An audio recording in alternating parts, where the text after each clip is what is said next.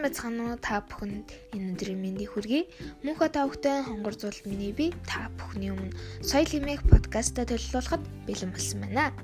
За хүн нийгмийн гишүүн болохын хувьд эзэмшдэг, мэдлэг, итгэл үнэмшил, урлаг, ёс суртахуун, зан заншил болон бусад чадвар дадлуудыг багтаасан цогц бүрдэл түүнчлэн 20 дугаар зууны их үед бие даасан шинжлэх ухаан болж хөгжсөн Culture гэдэг color гэсэн латин үгнээс гаралтай соёолуулан боловсруулах, хөрс боловсруулах, хүмүүжил, хүндлэл гэсэн утгатай.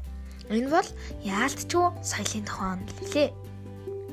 Дөрвөн үсгнээс тогтоох хэдийч дотроо маш том зүйлийг агуулсан байдаг нь гайхмаар шүү.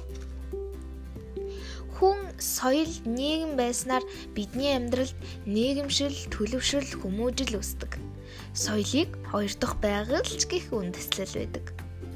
Соёл нь маш олон үүрэгтэй боловч үндсэн гурван үүргийг нь дурдвал соёлын хүмүүжүүлэх боловсролын үүрэг, соёлын нэгтгэгч ба салгагч үүрэг, соёлын зохицуулагч үүрэг гэж байдаг байна.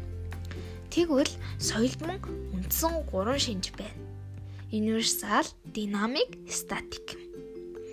Динамик гэдэг нь соёлын зогсон шинж бол универсал гэдэг нь шинж чанар, хэм хэмжээ, дүрм журам, үнэт зүйлсийг багтаадаг.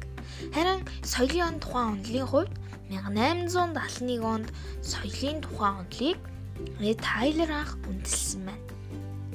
Харин уус амнэр нь соёл бол амьдралынхаа нөхцөлд тасан зохицох хүний чадварын хэлбэр гэж үзсэн хамгийн сонирхолтой нь энэ ярьдлав соёл бол ариун зүйл гэсэн байдаг.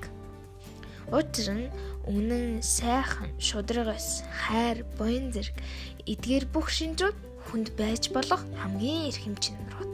Харин энэ хамгийн эрхэм чанаруудыг хүн өөртөө багтааж, шингээж, өөртөө агуулгах юм бол соёлтой хүн болно.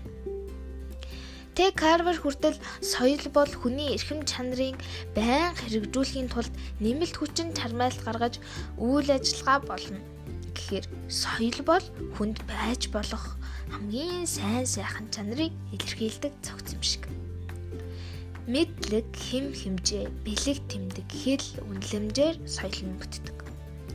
Үүнээс гадна соёл нь хүний хувьд адгууснаас ялгагдах гол зүйл мөн гэж В Стюарт үтсэн. Бид бодоод үзвэл соёл хүний эрхэм чанаруудыг хатгалдаг учраас тэр соёлоо бид хэрэгжүүлдэг учраас бидний нийгэмд түнчлэн хүнд томоохон үүрэг гүйцэтгэдэг юм.